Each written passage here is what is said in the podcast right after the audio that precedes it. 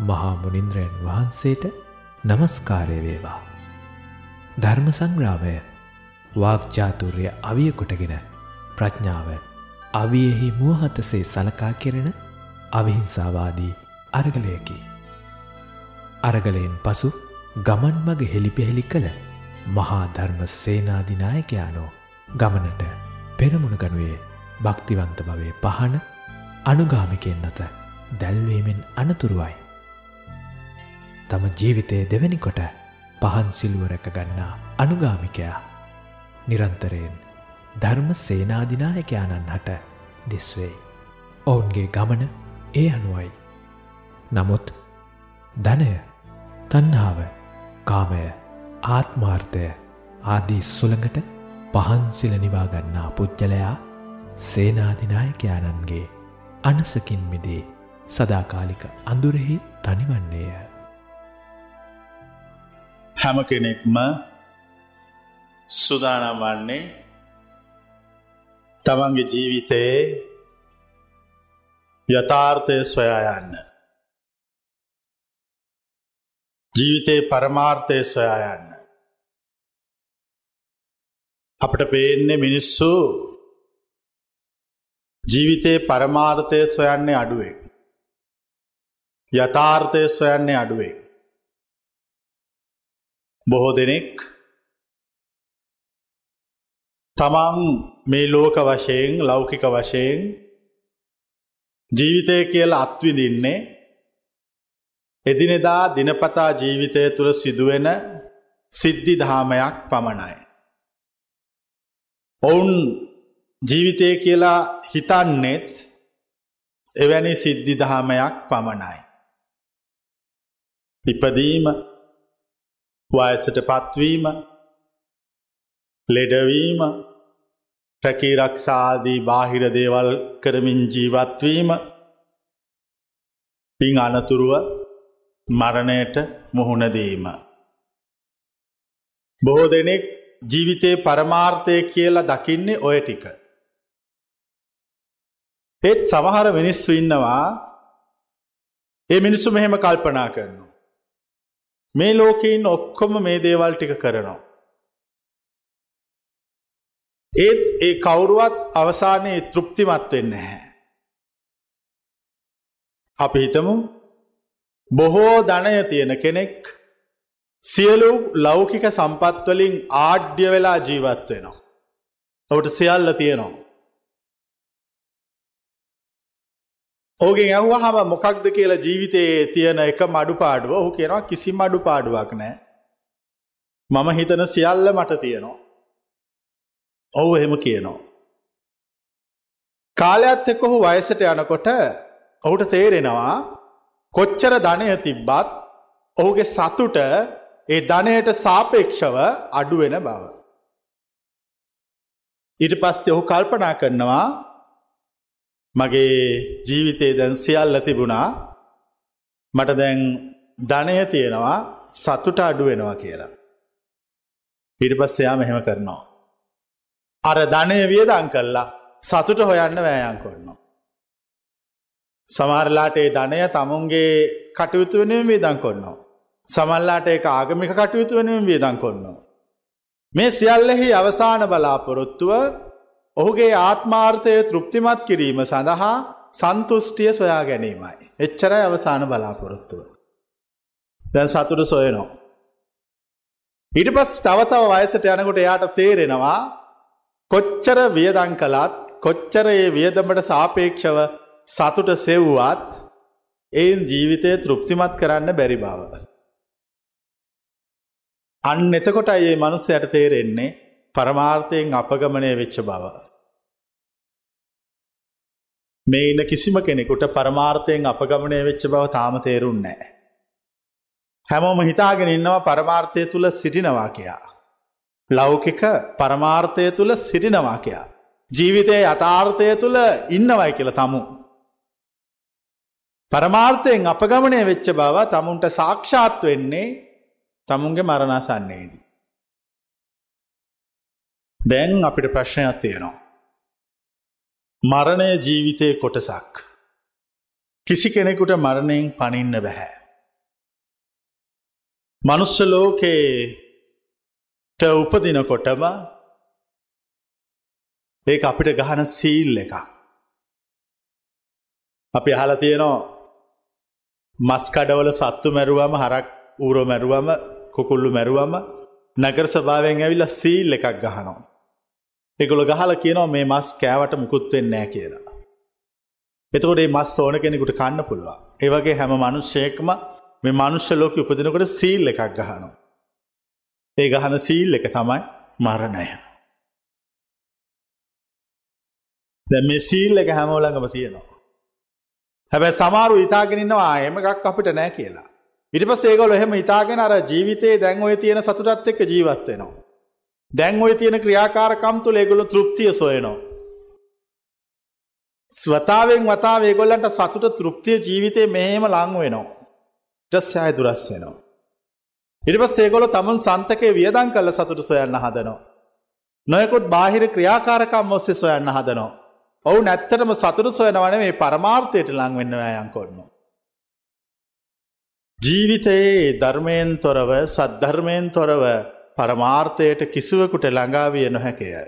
ජීවිතයේ සද්ධර්මයෙන් තොරව පරමාර්ථයට කිසිවකුට ළඟාවිය නොහැකය.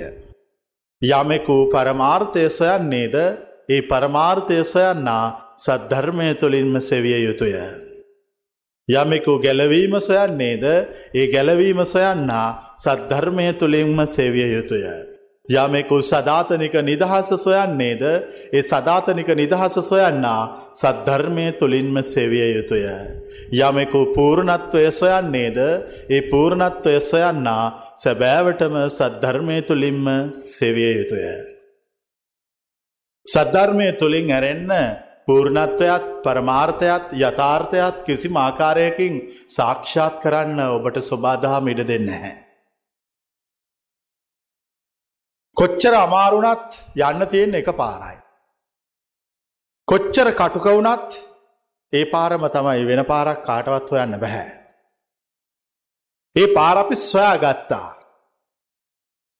ලෝකෙට අවුරුදු දහස් ගානක් රහසක්ව පවතිනේ නිවන් මගට ගමන් කරන අතිශය කටුකවූත් සුන්දර වූත් ඒ සොඳුරු මාවත අපි සොයාගත්තා.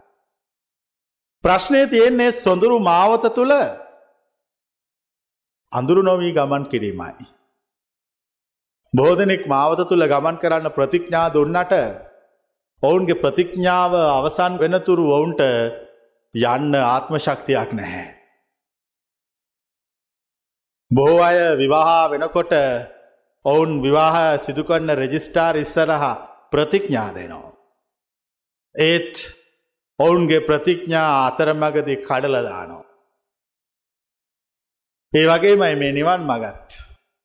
ඔවුන් ප්‍රතිඥා දෙනෝ. ඔවුන්ගේ ප්‍රතිඥා අතරමගදි කඩලදානෝ. ප්‍රතිඥාව අතරමගති කඩපු මනුෂ්‍යයට වරප්‍රසාද අහිමේ. මොකද ප්‍රශ්න. ප්‍රතිඥාව අතරමැදදී කඩපු මිනිසාට වරප්‍රසාද අහිමි එක තම සොබදහම ලේවිල්ල. මේ කිසි කෙනෙකුට ප්‍රතිඥා කඩන්න බැහැ. මේ හැමෝටම මරණය දක්වා මාවතක් අප දේශනා කොන්නවා. මේ හැමෝටම සුන්දර මරණයක් දක්වා යන මාර්ගය පැහැදිලි කොන්නවා. එතකොට මෙස්යල්ලෝම සුන්දර මරණයකට සූදානම් විය යුතුයි. ජීවිතයේ යථාර්ථය සොයා ගැනීමෙන් අනතුරුව. ජීවිතයේ යථාර්ථය සොයා ගැනීමෙන් අනතුරුව. හැම මනුෂ්‍යයකුගෙම පූර්ණත්වයට පත්වීම අවසන් වන්නේ මරණයට මොහොතකට කලින්. කෙටියෙන් කීවොත් මරණයට මොහොතකට කලින් මාඔබෙන් සමුගන්නවා.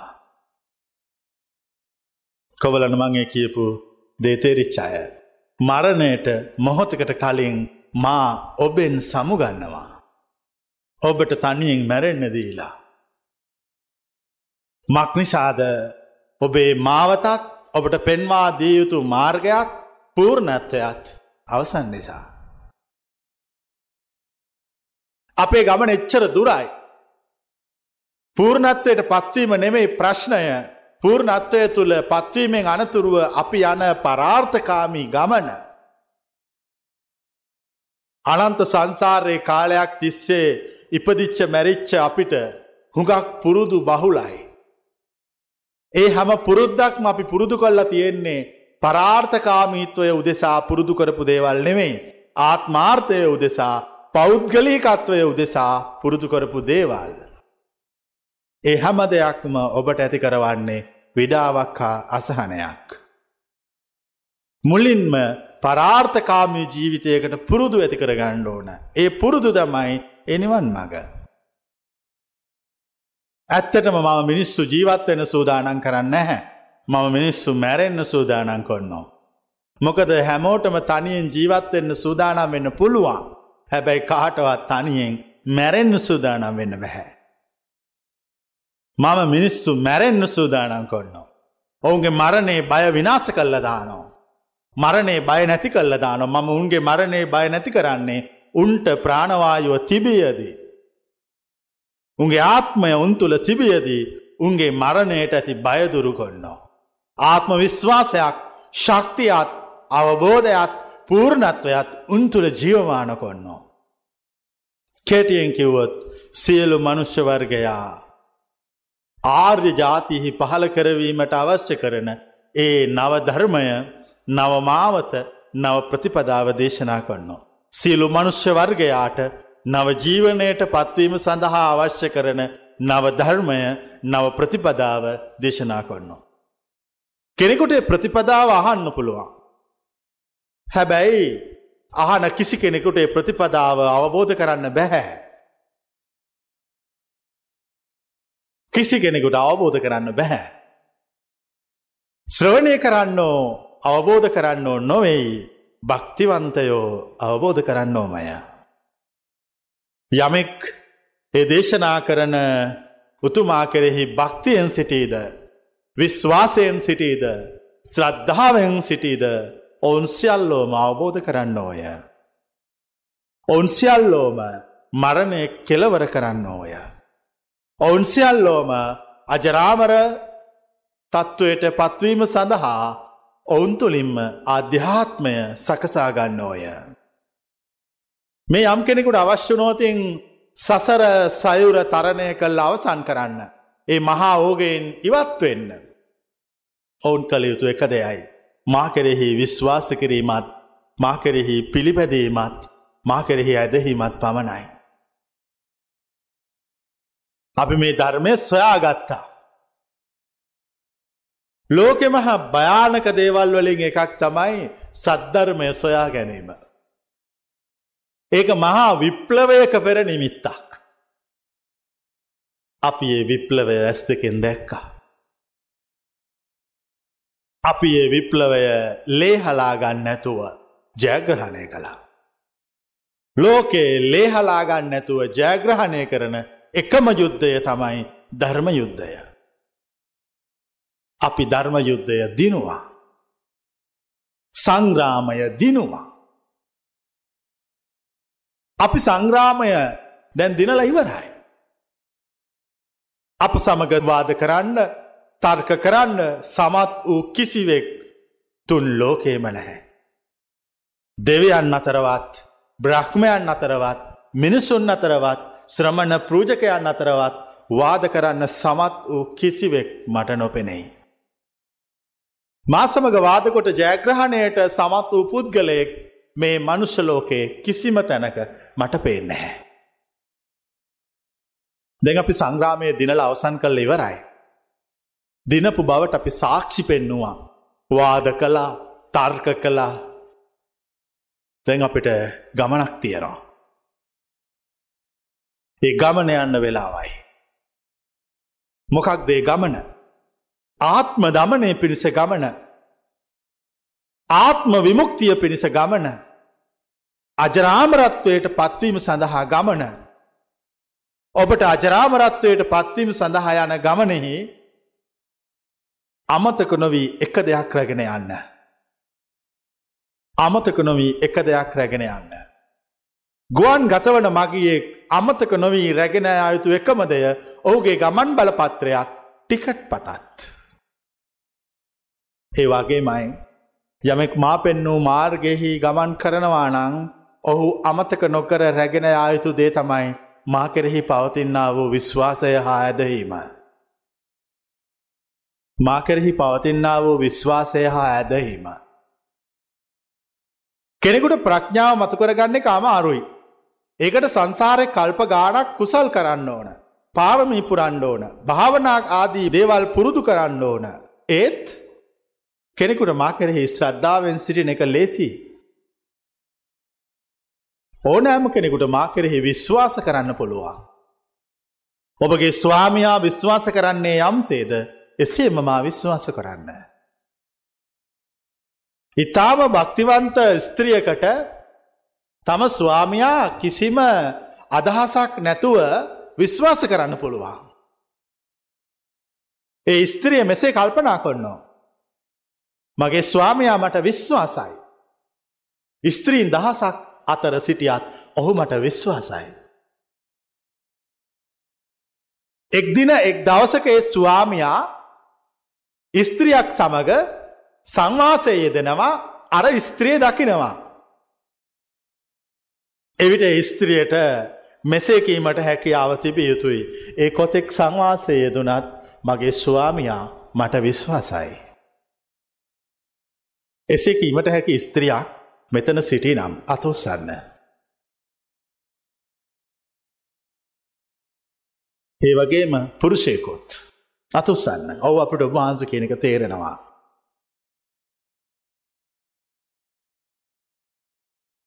වෙස්සන්තර ජාතකයේදී වෙස්සන්තර රජතුමා මන්ද්‍රී දේවියට කතා කරලා කියනවා දේවිය දැන් මම ඔබව මේ රජ්ජරුවන්ට දන් දෙනවා. එතකොට දේවිය කියනවා කමක් නැහැ ඒක ඔබගේ කැමැත්තයි. ඔබ මට විශ්වාසයි. එනිසා මම මේ රජ්ජුරුවත් එක්ක යන්න යනවා. ඔබගේ වචනයට ගෞරෝ කල්ලා. කොබලන්න එවැනි කාන්තාවක් මෙතන සිරිනං අතුස්සන්න අපිත් ඒ වගේ. ඇයි ස්වාමයාගේ වචනය කෙරෙහි ඇති භක්තිය නිසා වෙන ස්වාමියකුත් එක්ක යන්න ලෑස්ති වෙනවා. මා කියන්නේ සැබෑවටම ඔහුගේ ස්වාමයා කෙරෙහි ඇති විශ්වාසය නම් අර අනෙක් ස්වාමයා සමඟ ගමන් කිරීමයි තම ස්වාමයාගේ වචනය අසා. කොබලන්න මම කියනව තේරෙන ඇතුස්සන්න අපිට ඔබහන්ස කියනව තේරෙනවා. දෙම්මං අහන ප්‍රශ්නය. මා කෙරෙහි එසේ පිළිපැදීමට හැකියාවඇති යම් කෙනෙක් සිටීද. දැම් මේ කවට හරිමං කතා කරනවා. එන්න මල්ලඟට.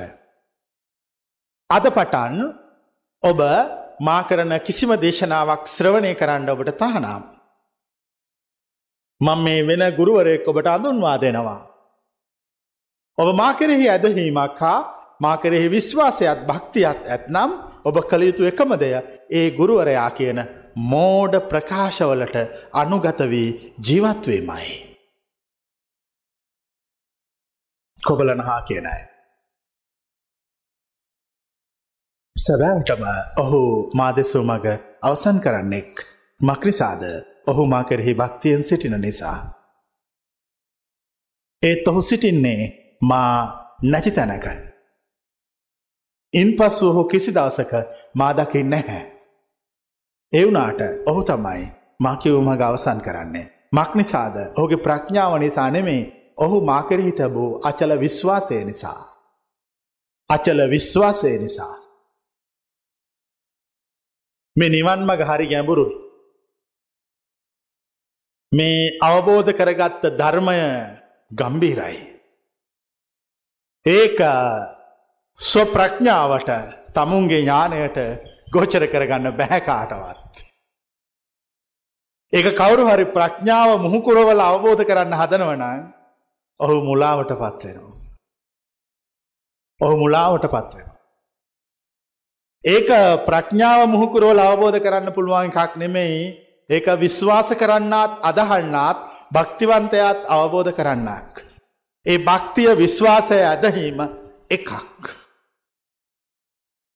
මා විශ්වාස කරන්න. අදහන්න. එච්චරයි. විශ්වාසය ඇදහීම ඔබ පූර්ණත්වයට පත් කරවනවා. ජීවිතය කරන්න බැරි ඕනාම තැනකදී ගැටලුවක් ඇති ඕනාම තැනකදී මාකරෙහි තබපු විශ්වාසයත් ඇදහීමත් සිහිපත් කරන්න. ඔබට කරන්න බැරි ඕනම දේකදී මාකරෙහි තබූ විශ්වාසයත් ඇදහීමත් සිහිපත් කරන්න. ඔබට ඔබ නව ජීවයට පත්වෙනවා ඇත. එයයි විශ්වාසය හා එයයි ඇදහීම හා එයයි මාකරෙහි තැබූ භක්තිය. එයයි නොමිලේ ලබාගත් ප්‍රඥාව. නොමිලේ ලබාගත් ප්‍රඥාව. සැබෑවටම නොමිලේ ලබාගත් ප්‍රඥාවෙහි අයිතිකාරයෝ වන්නේ භක්තිවන්තයව පමණයි. අදහන්නෝ පමණයි විශ්වාස කරන්නෝ පමණයි. වෙන කිසිවෙක් නොමිලෙහි ප්‍රඥාව නොලබන්නෝය. නොමිලේ ප්‍රඥාව ලබා ගැනීමට අවශ්‍ය කරන මනුෂ්‍යයා කළ යුතු වන්නේ උන්වහන්සේ ඇදහිමයි. උන්වහන්සේ කෙරෙහි භක්තියෙන් සිටීමයි. උන්වහන්සේට පාපිස්නාවක් වීමයි. කුමක්ද කළ යුතුද උන්වහන්සේට පාපිස්නාවක් වීමයි. මාගේ ශරීරයෙන් ඔබ වහන්සේගේ කකුල් පිස දමන්න. ඔය දූවිලි මාගේ හිස මත විසිරුවන්න. එයයි මට ඔබ දක්වන ගෞරවය හා භක්තිය හා ඔබ මට දක්වන විශ්වාසය.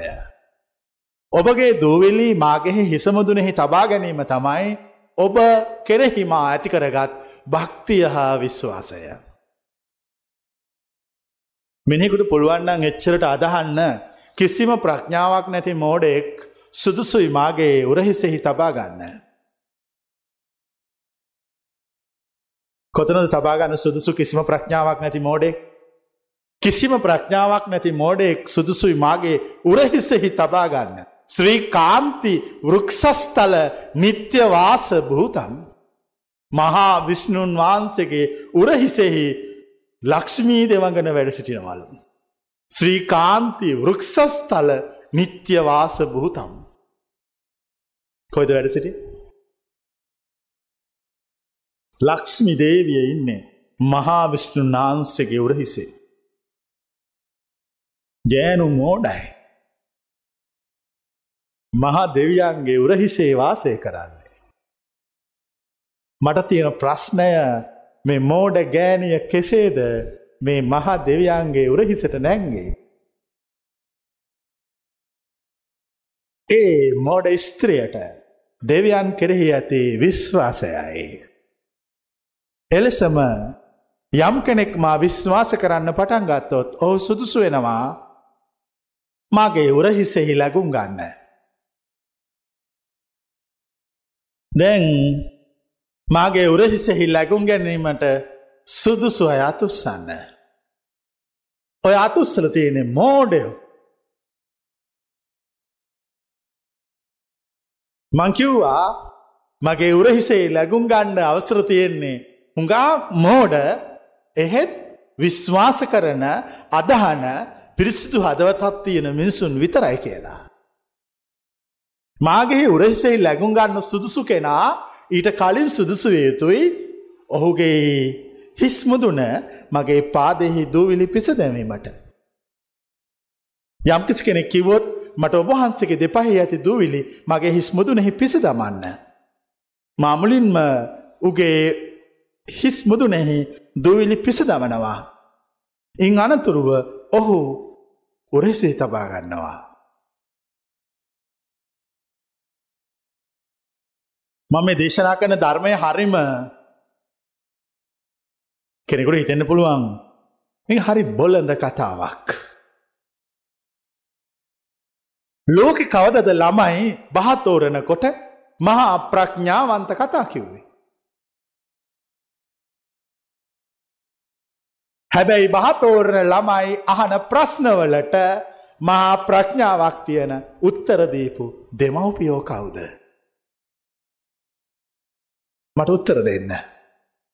ඒ මහා ප්‍රඥාවක් තියෙන දෙමව්පියන්ට අර බහතෝරණ ළමයි යහන ප්‍රශ්නවලට උත්තර දෙන්න බැහැ. ඒ වනාට ඒ බහතෝරණ ළමයි කියන්නේ බොල්ලඳ කතා. හැබැයි ඒ බොලඳ කතා හරිම ගම්බීරයි.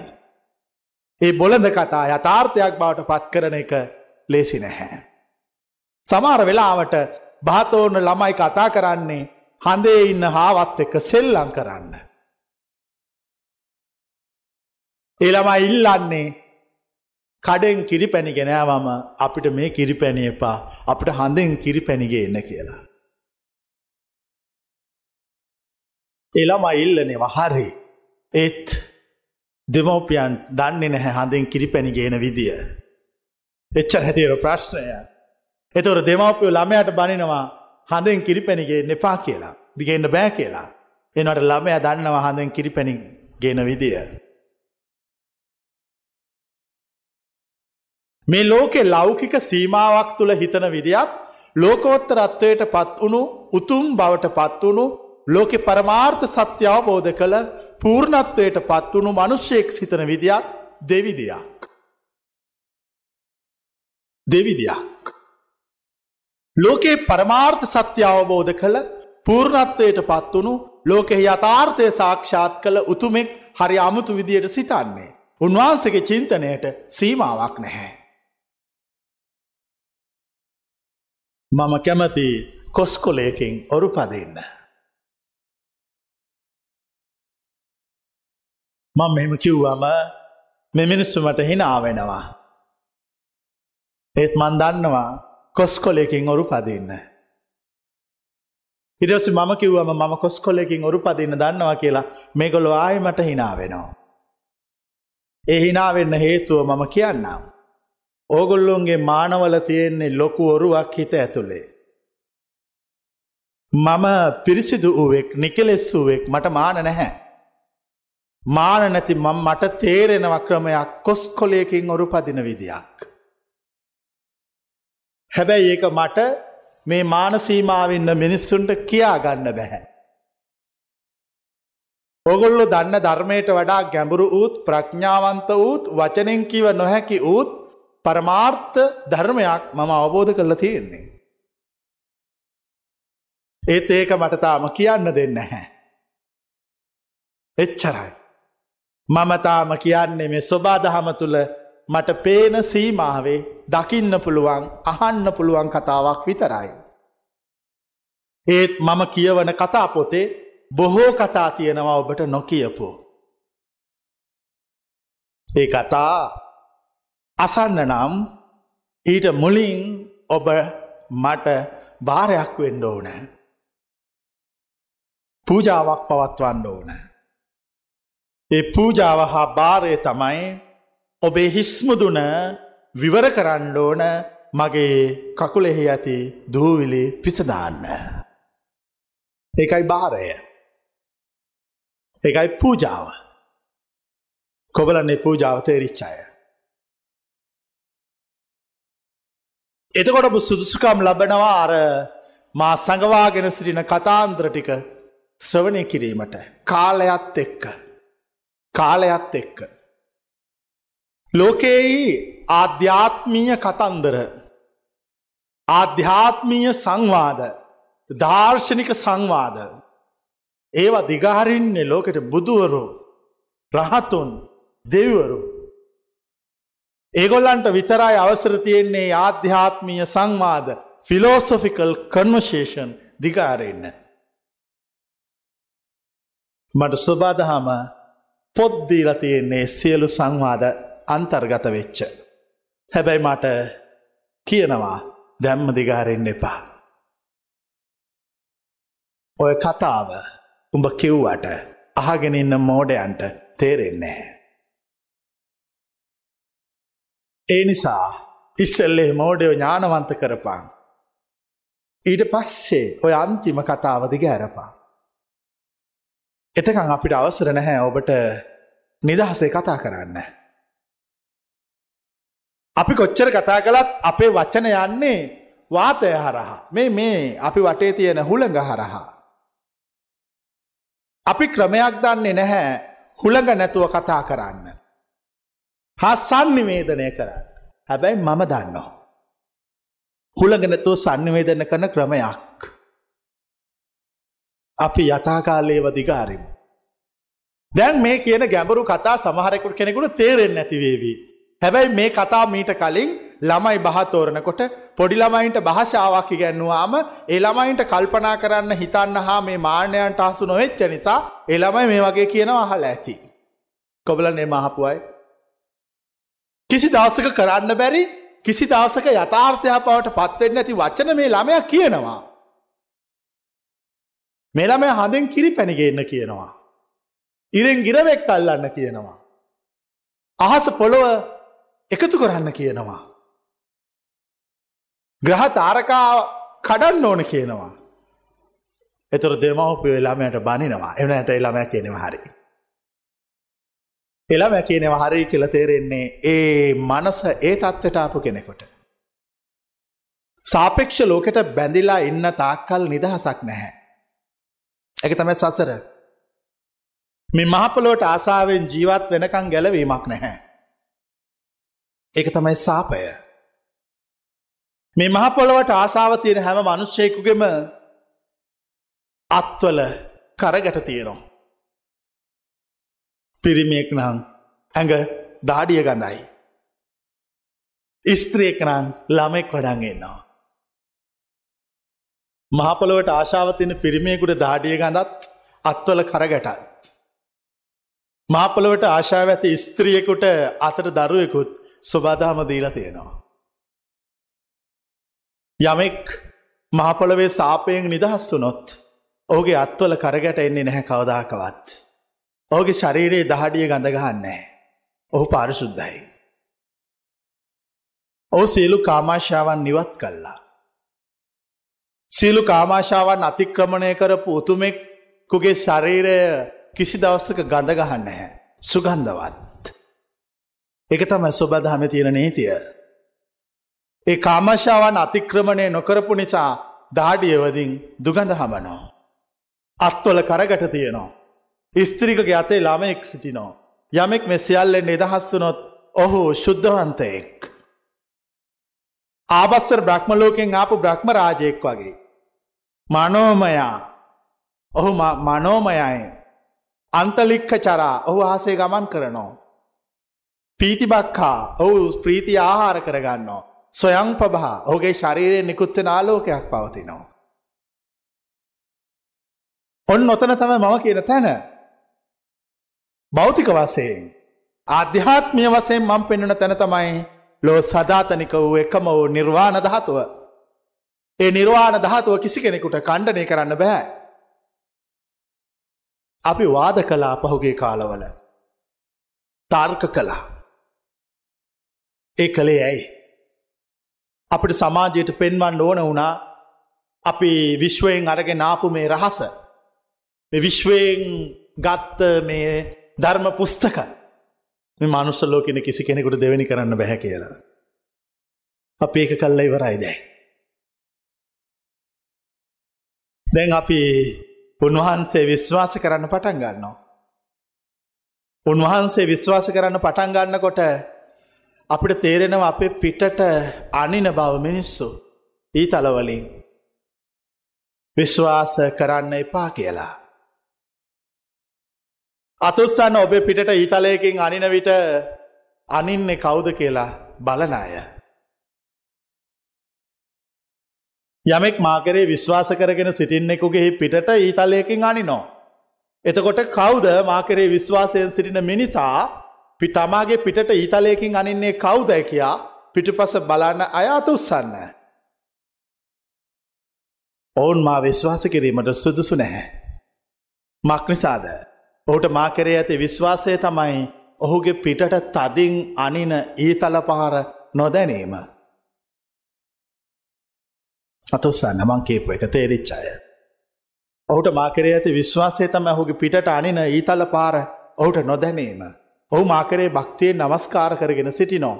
ඔහුගේ පිටට කොච්චර ඊතලවලින් ඇන්නත් ඔහුගේ අතක් ඔහුගේ පිටහි ඇති තුවාල එකාතකින් වසන්න හැ ඔහු නමස්කාර කරගෙන සිටිනෝ. ඔහුගේ රුදිරය ඔහුගේ දෙපාදිගේ ගලාගෙන යනවා. මහපොළොවදිගෙහි ඔහු නමස්කාර කරගෙන සිටිනවා. ඔහුට තේරෙනවත් සිහි නැතිවෙන්න එන බව ලේගිහිල්ල වැඩි නිසා දැන් කුමක් කරන්න එහිද. නමස්කාර කරගෙන සිටිනෝ. ඔවුට තේරෙනවා සිහි නැති වෙන බව නමස්කාර කරගෙන සිටිනෝ. ඔවුට තේරෙනව ඇදගෙන වැටෙන බව. ඒත් නමස්කාර කරගෙන සිටිනෝ. එච්චරයි. ඔවු සුදුසුයි මාගේ හෙවුරහි සෙහි ලැගුම් ගන්නට. ඒවනාට මම මේ කතාව කිව්වාම කෙනෙකුට හිතෙන්න්න පුළුවන් එම හොඳනෑ නේද? අපේ පිටේ තුවාලයකින් පිටෙන් ලේයනවනම් අපි කරන්න ඕන නමස්කාර කරගෙන ඉන්න එක අත්තරලදාලා තුවාලට බෙහෙද්දාගන්න එක. ඔහුට තුවාලට බෙහෙද්දාගන්න පුළුවන්. එත් ඔහුට මරණයට බෙහෙද්දාන්න බැහැ. ඔහු කිසි දෙයක් නොකර බට නමස්කාර කරගෙන සිටියෝත් ඔහු ඕගේ මරණයට බෙහෙද්දාගන්නවා. මම අහන්න කැමති ඔබගෙන්. ඔබ මේ මනුස්සලෝකට ආවේ තුවාලට බෙහෙද්දා ගන්නද මරණයට බෙහෙද්දා ගන්නද කියලා. කොබලන මරණයට බෙහෙද්දාන්න ආපු අය. මරණයට බෙහෙද්දාන්නා මිනිස්සුන්ට තුවාලවලට බෙහෙද්දාන්න තහනම්. තුවාලවලට බෙහෙද්දාන්න තහනා. සැබෑවටම ඔබට පිටට ඊතලවලින් විදින්න ඕන ඔබ මා කෙරෙහි අචල භක්තියෙන් හා විශ්වාසය ඇතිකරගෙන පැහැදී ශ්‍රද්ධාව පිහිටුවාගෙන මට නමස්කාර කරන මොහොතෙහි.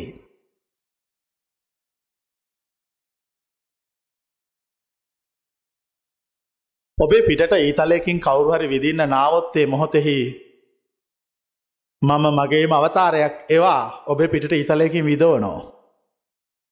මොකද මට බලන්න අවශ්‍යයි මහුට මා කෙරෙහි ඇති විශ්වාසය ඇත්තටම තියෙන විශ්වාසයක්ද. නැත්තම් මගේ දේශනා ශෛලියට වචනවලට රූපයට පෞරුෂයට තේජසට තියෙන බැඳීමක්ද කියා. එය මම් පරීක්ෂා කරනවා. පරීක්ෂා කල්ල හුට නිවැරදි මාර්ගය පෙන්වා දෙනවා. සැබෑවටම ගැඹුරු වූ මේ අභිධර්මය අවබෝධ කරන්නේ සොඳුරු වූ පිරිසිදු සිත් ඇති මිනිසුන් පමණයි. මේ දහම හරි ගැඹුරුයි. කොච්චර ගැඹුරුද කියනවන ඕන කෙනෙකුට මට බනින්න පුළුවන් අපහාස කරන්න පුළුවන් ඒත් මං වැරදිී කියන්න බෑ. කිසිම්ම කෙනෙකොට කොච්චර බැන්නත් කොච්චර අපහාස කළත් වැරදිී කියන්න බෑ. මක් නිසාද ඔහු හරිදේ නොදන්න බැවිනි. ඒ හරිදේ දන්න එකමෙක් කෙනා මහ පමණයි. ඒ හරිදේ සාක්ෂාත් කළ මිනිසාද මා පමණයි. දැන් ඔබට ඉතුරු ඇත්තේ විශ්වාස කිරීමයි. ඇදහීමයි. භක්තිවන්තව සිටීමයි. එවිට මාතුල ඇති ආත්ම විශ්වාසයත් අවබෝධයක් පූර්ණත්වයක් ඔබට කාන්දුවනු ඇත.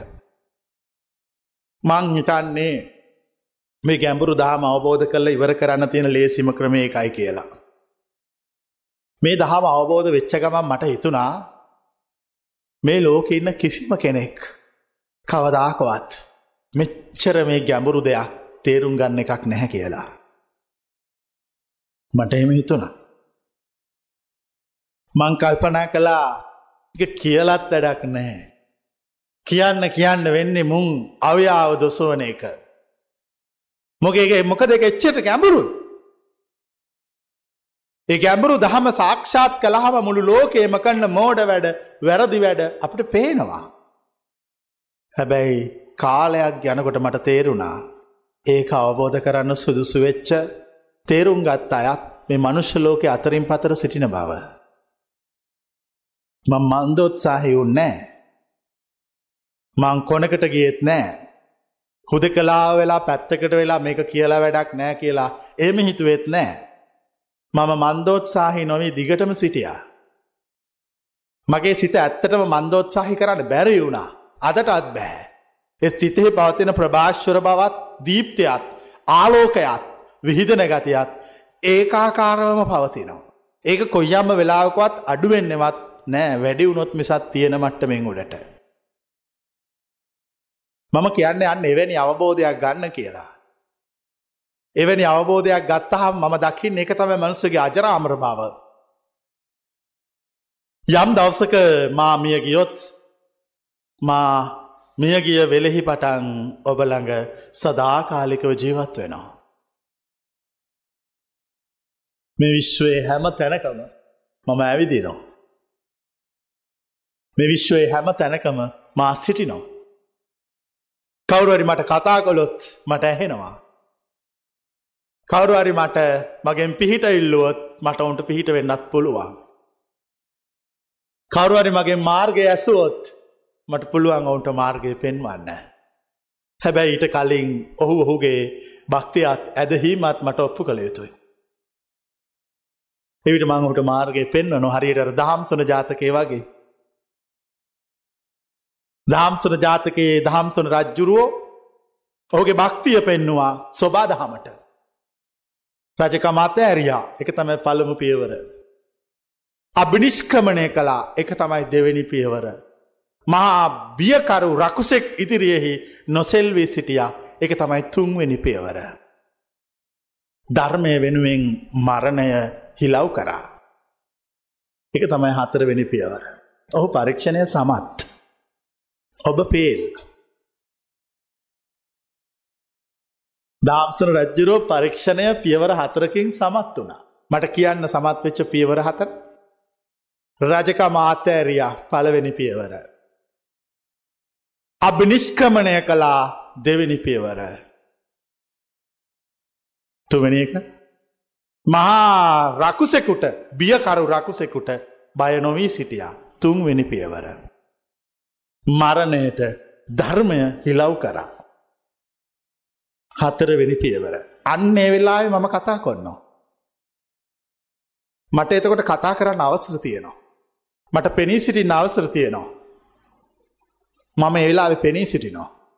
පෙනිසිටල ඒ රජුන්ට ලොව ඇති පරමාර්ථ සත්‍යය නිර්වාණ දහතුව දර්ශනය කොරවනවා. කරවලා ඒ රජු නිවනට එක් යනවා. සැනසිල්සුවයට එක් යනවා. අජරාමර බවට එක සදා කාලෙට ලෝක පවතින ධර්මතාවයක්. ඒකයි ලෝකයේ සත්‍යාවබෝධ කළ බුදුවරු මුනිවරු දෙවිවරු කිසි දවසක මැරෙන්නේ නැහැ. උන්වහන්සේලා අජරාමරයි. සදාකාලිකයි. උන්වහන්සේලා අපි ළඟ වැඩ සිටිනෝ. අපට එක තේරෙන්නේ අපේ මමත්වය නිසා. මෝඩකම නිසා. කාමාශාව නිසා. වෛරය ඊර්ෂ්‍යාව හා කෝපය නිසා. මේ සියලු මමත්වයන් ආශාවන් කෝපයන් ආත්මාර්ථයන් සිදබිත දැමුවොත් අපට එවිට ලෝ පවතින එකම යථාර්ථය අවබෝධ වෙන්න පටන් ගන්න. ඒ තමයි නිවන. හා ඒට පත්වෙන මාර්ගය අජරාමරවීම සඳහා මාවත මරණය නැමැති තුවාලයට බෙහෙද්දාන්න සුදුසුකම් ලබන්ඩ සුදුස්සෙක් වෙනවා. මිනිස්සු කවදාකත් මරණය කියන තුවාලට බෙහෙද්දා නැතුව හැමදාම ලේගලන තුවාලොලට බෙහෙත් දදායින්නවා. යමෙක් මාකරෙහි භක්තියෙන් සිටිනවා නම් ඔහු කිසි දවසක ඔහු ගැන නොස්වයා මාකරෙහි භක්තියෙන් සිටිනෝ.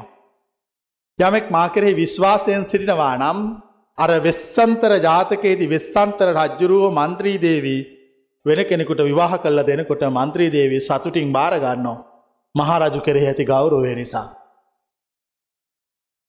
මහරජු කෙරෙහි ඇති විශ්වාසය නිසා. ඒ රජුගේ බලාපොරොත්තුව හා කැමැත්ත වන නිසා. කෙනෙක් අන්න ඒ විදියට ඉන්න පටන් ගත්තොත් මම කියන්න ඒක තමයි සැබෑවට මට තියෙන ගෞරව කියලා. පුද්ගලයෙක් වසයෙන් තියෙන ගෞරවය නෙමේ දර්ශනයක් කෙරෙහි පහළ වෙච්ච ගෞරවය. අපි අහලා තිනවා වෙසන්තර ජාතික කියවනකොට මන්ත්‍රී දේවිය කියනවා මේ මහරජ්ජුරන්ගේ බලාපොරොත්තුව බුදු බවට පත්වීම මම දන් දුන්නාම ඉෂ්ට වෙනවනම් මම දන් දෙන්න. මොකද ඒ බලාපොරොත්තුව ඉෂ්ටවීම තමයි මගෙත් බලාපොරොත්තුව. මඟහන්නේ ස්ත්‍රිය තුළ ඇති ආත්මාර්ථය කෝකයා. ඒ ස්ත්‍රිය තුළ ආත්මාර්ථයක් නැහැ. අන්න එතෙන්ට එන්න ඕන. මඟහන්නේ මේ ඉන්න ස්ත්‍රීන්ගෙන් ඒ තැනට එන්න පුළුවන්ද කියයා තමුන්ට. ඒකට ලොකු ආත්ම විශ්වාසයක් හයියක් තියෙන්න ඕන. සමස්ත මනුෂ්‍ය වර්ගයා වෙනුවෙන් ජීවත්වීම. මිනිස්සු ඇමදාම මාන බලන්නේ පුද්ගලයෙක් වෙනුවෙන් ජීවත් වෙන්න. පුද්ගලයෙක් වෙනුවෙන් ජීවත් වෙන්න මාන බලන මිනිස්සු අතරේ අපි මනුස්ස වර්ගයා වෙනුවෙන් ජීවත් වෙනවා. පොදු යහපත වෙනුවෙන් පෙනී සිටිනෝ. මිනිස්සුන්ගේ විමුක්තිය වෙනුවෙන් අපි හඬ නගනෝ. අපි විමුක්තිය වෙනුවෙන් විප්ලව කරනෝ. සටන් කරනවා. අපි කරපු හැම සටනක්ම මේ වෙනකොට ජයග්‍රහණය කල්ල ඉවරයි. එස්ස බදාම නීතියක් එකාටවත් පරද්දන්න බැහැ කවදාකවත්. එනිසා මන්නම් වැඩිය මහන්සි වෙන්නේ. මගේ නීති ඔක්කොම දන්න නිසාමන් නිහඬව නිස්සද්දව සිටිනෝ. ස්වබාදහමෙහි ගමන් මග මට තේරෙනවා. එනිසා අපි කළ යුතු දෙය විශ්වාසය ඇදහීම භක්තිය තුළ කිදා බැසීම. ගෞරෝ කිරීම විශ්වාස කිරීම ඔබට කරන්න බැරි හැම තැනකදීම මා සිහිපත් කිරීම. කෙසි සිහිපත් කරන්නද. නම සිහිපත් කිරීම. නම සිහිපත් කිරීම. එවිට ඔබට ශක්තිය ලැබෙනවා ඇත. අන්නේ විදිර විශ්වාස කරන්න පටන් ගත්තොත් අර මහා ගැඹුරු සාක්ෂාත් කළ නොහැකි ඒ පටිච සමුපාද ධර්මය ඒ චතුරාර්ය සත්‍ය ධර්මය ඒ සත්තිස් බෝධිපාක්ෂික ධර්ම එකවර පිහිටනවා. එහෙම නැතුව ඒ සත්තිස් බෝධිපාක්ෂික ධර්ම තිස්සත් වතාවකට වඩ ලිවර කරන්න ගියොත් සාරා සංකය නෙමේ අටා සංකය නෙමේ සොලසා සංකය නෙමේ තිස් දෙකා සංකය කල්පලක්ෂයක් විතර යනවා. එච්චරට අමාරුයි. නිවන් මග වඩන එක නෙමේ අමාරුව වඩන නිවන් මග සමතුලිත කරන එක. හරි අමාරුයි ඒක. කුඹුරු කොටන්න ගියාම කුඹුරු කොටන එක අමාරු නෑ. කුඹුර මඩ කල්ල කකුලෙන් පෝරුගාල පාත්තිදානක අමාරු. කුඹුරු කොට්නකොට නිකම් මී හරකා කසිප්පු බිවෝ වගේ කොටාගෙන කොටාගෙන කොටාගෙන යන්න තියෙන්නේ. ඊට පස්සේ අරක මඩ කල්ලා හරියට මේව කොල්ල පාත්තිදාලා හරියට සමතලා කල්ලා වතුර බහිනකා ඒටිකයි අමාරු. ඒ වගේ මේ නිවන් මගර නිකං මීහරකෙක් කුලප් වෙච්ච වගේ යන්න පුළුවන් ඕන කෙනෙකුට. ඒ තර්ක ධර්ම සාක්ෂාත් කරන්න පුළුවන් හැබැ සමතුලිත කරන්න බෑ. ඔබට සමතුලිත කරන්න ලේසිම ක්‍රමය තමයි ඔබේ ගුරුවරයා කෙරෙහි ඇතේ විශ්වාසයත් අචල භක්තියත්. එච්චර. එතුර සියල්ල සමතුලිත වෙන. සියල්ල සමනය වෙනවා. සිත නිවෙනවා. ශූන්‍යත්වයට පත්වෙනවා. කාමාශාව නිවෙන්න ඕන ඇති නොවන ලෙසට. කාමාශාව එකවර නිවුණොත් වැරදි. ටික ටික නිවෙන්න ඕන. එතකොට හරි. ටික ටික නිවෙනවද කියලා තමුන් පරීක්ෂා කරන්න ඕන. පරීක්ෂා කල්ල බලන්න ඕන මුල් තියෙන තැනට එනවද නැද්ද කියලා. එ නැත්තම් හරි. ඉති මෙච්චර අමාරු දේවල් කරන්න මම කියනවා එකක්. විශ්වාස කිරීම හා ඇදහීම. ගුවන් ගතවන මගේකුට පාස්පෝට් එකයි ටිකට් එකයි වගේ නිර්වාණය කියන මාර්ගෙහි ගුවනෙහි යන්නෙකුට විශ්වාසය ඇදහීමයි තබාගෙන යායුතුයි. ගමන අවසන් වන තෙක්ම. ගමන අවසන් වන තෙක්ම නැත්තං එතන ගමනක් ඇතිවෙන්න එතන පටලවිල්ලක් ඇති වෙනවා. ඒම නැතුවේ මග යන්නත් බැහැ. ඔහු ඔහුගේ ජීවිතය පිළිබඳ ගැඹුරට තේරුම් ගන්න ඕන. ඇත්තටම තමුන්ට ගැලවීමට ගැලවුම්කාරයෙක්. තමුන්ගේ ආත්මයට දෙවි කෙනෙක්. සසරදුකට පිහිටවන බුදු කෙනෙක් තමුන්ට ලැබුණාම කුමක් කළ යුතුද.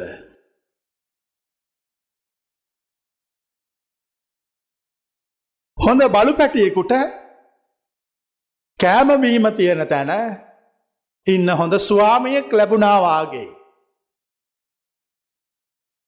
ඒ බලු පැටිය මොකද කරන්න. කොයවත් යන්නේ. ඒ බලු පැටිය ගෙවල් දුරවල් බලාගෙන අර තියෙන දෙයක් කාගෙන අර ස්වාමයා කෙරෙහි භක්තියෙන් ජීවත්වනෝ මරණය තෙක්ම. ඕගොල්ලො දැකල තියෙනවද කවදාකත් ස්වාමී කතෑරලා ගියපු බල්ලෙක්. මට අතුස්සල කියන්න අපේ බල්ල අපිට එහෙම කලා කියලා. කවදදාහකත් එහෙම කරන්න එනිසා උන්ට කෙනවා බල්ලො කියලා.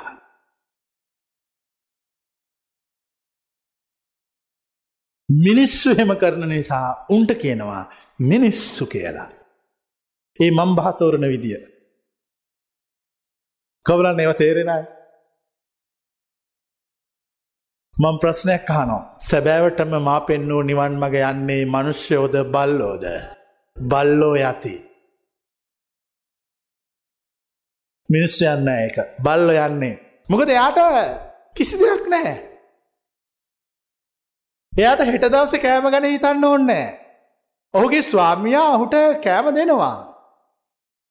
ඔහුට ඔහුගේ ආරක්ෂාව ගැන හිතන්න ඕන්න ඔහු බලා ගන්නවා.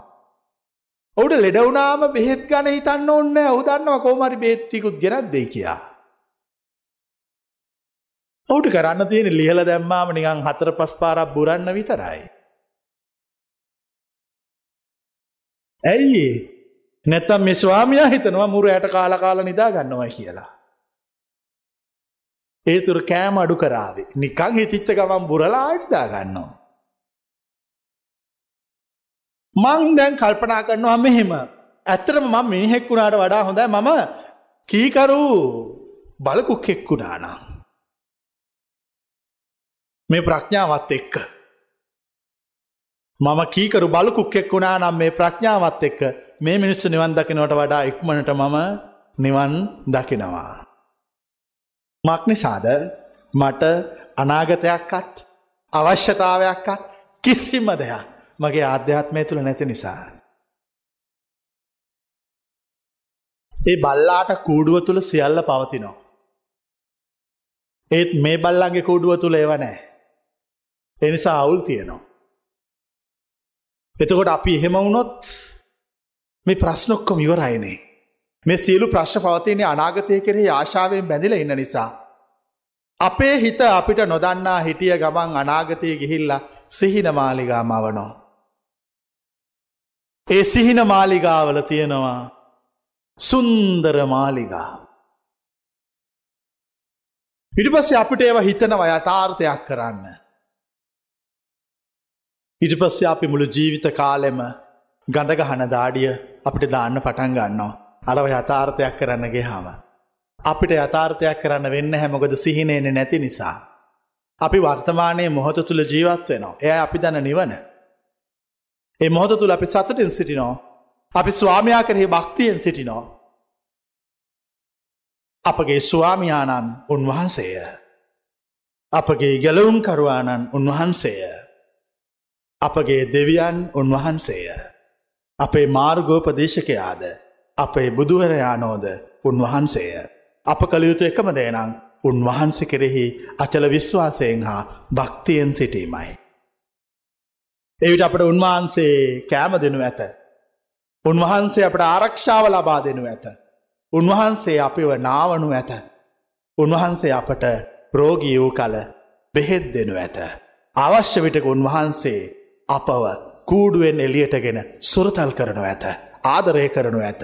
එමෙන්ම උන්වහන්සේ අපට කෙවිටෙන් පහර දෙනු ඇත.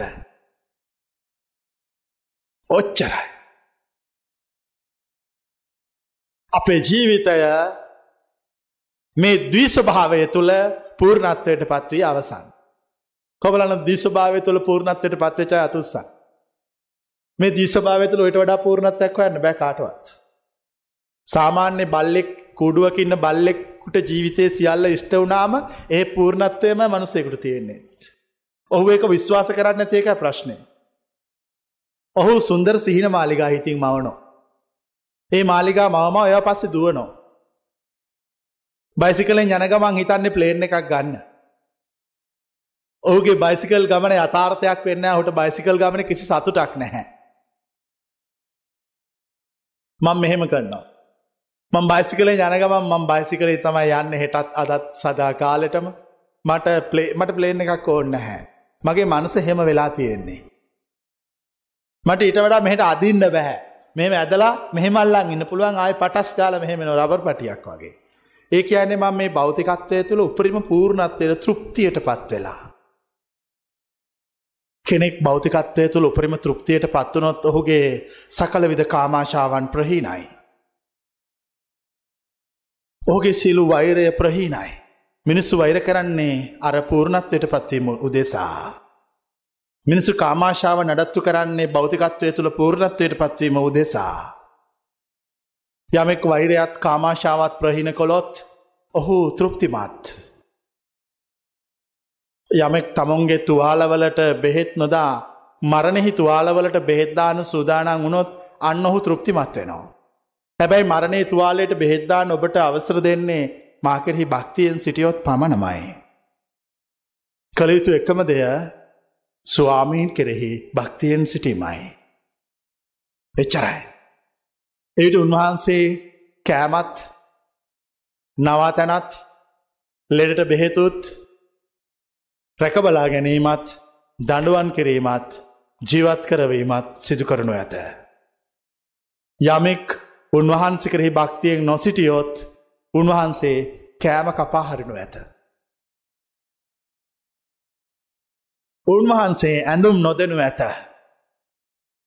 උන්වහන්සේ නුබලා රැකබලා නොගනු ඇත. උන්වහන්සේ නුබලා ගිලන්නෝ කල බෙහෙත් නොදනු ඇත. කෙටේම කිව්වොත් නුබලාට පහර නොදෙනු ඇත. ඉවරයි. ආය ඔවුන් සංසාරයට එකතු වෙලා. ඔවුන් කුමරු කොටන්න පටන් අරගෙන. ඔවුන් දාඩිය වගුරුවන්න පටන් අරගෙන ඔවුන් ළමයින් බිහි කරන්න පටන් අරගෙන. ඔවුන් මේ සසර දුකෙහි අයිතිකාරයෝ. මක්නිසාද උන්වහන්ස කෙරෙහින් දොරස් වූ නිසා. සැබෑවටම ගැලවීමට සුදුසුකම් ලද්දෝ උන්වහන්සේ ස්වායා යුතුය.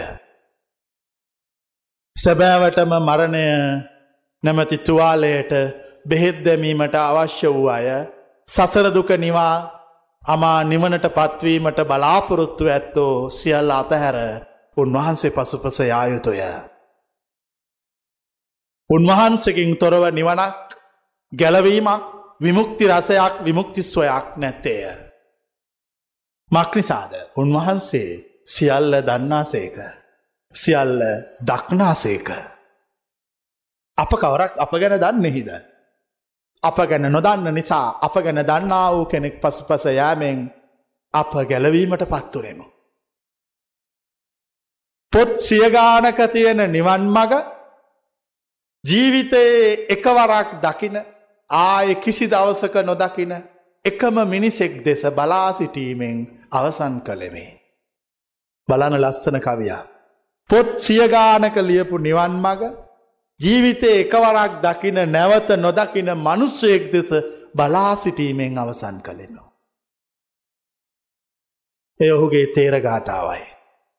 අර පොත් සියගාන එකක්ත් කිව්වෙ නැහැ ජීවිතය එකවරක් දකින නැවත නොපෙනෙන මිනිසා දෙස බලං හිටිය බලං හිටියා මේ මනුෂ්‍ය කරෙහි භක්තිවන්ත වුණා විශ්වාස කළ ඇදහුව උන්වහන්සේ ගැලවුම් කරුවාණන් බව ජියෝමාන දෙවියන් බව බුදුන් බව රහත බව පිළිගත්තා. අර පොත් සියගානක තියෙන එක ජියෝමානව සිටියදී සාක්ෂාත් කලා. ඒ අයි ඒ නිවන. හරිම ලේසි. අපි ලිඳක් කපන්ඩ ගියා කූඩ අරගෙන උදලු වලවංගු කරේ තියාගෙන දවල්ට දහයට තේවතුරත් අරගෙන පානුත් එක්ක දවල්ට බතුත් බැඳගෙන.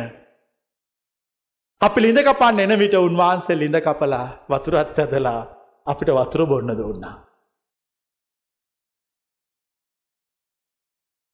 කොමලන තේරිච්චාය. අප ළඟ තිබුණ එකම දෙයයි ස්වාමින් වහන්ස කෙරෙහි ඇතේ භක්තිය විශ්වාසය ඇදහීමයි. උන්වහන්සේකට හිලව් වෙන්න ලිඳ කපලා. මඟහන්න මේ නිවන කොච්චර ලේසිද කියලා. මේක මේ පොත් කියවල සප්ත විසුද්ධිය වඩලා නව මහා විදර්ශනාඥාන පහල කරගෙන සුතමේ ඥානෙන් පටන් අරගෙන ආසවක්කේ ඥානෙන් අවසං කරන්න ඕන එකක් නෙමෙයි මම ඒ සියල්ල ප්‍රතික්ෂේප කොට. නිර්දය ලෙස මම පෙන්වනවා එකම අවිච්චින්න වූ මාර්ගයක්. එය මා කෙරෙහි ශ්‍රද්ධාවෙන් සිටීමයි. මා විශ්වාස කිරීමයි ඇදහීමයි. මාගේ වචන පිළිගෙන බුද්ධහාදී ආර්යන් වහන්සේලා දේශනා කළ ඒ උතුම් නිවන් මග මොහොතින් මොහොත දවසිං දවස මරණයට කලින් වඩා අවසං කිරීමයි.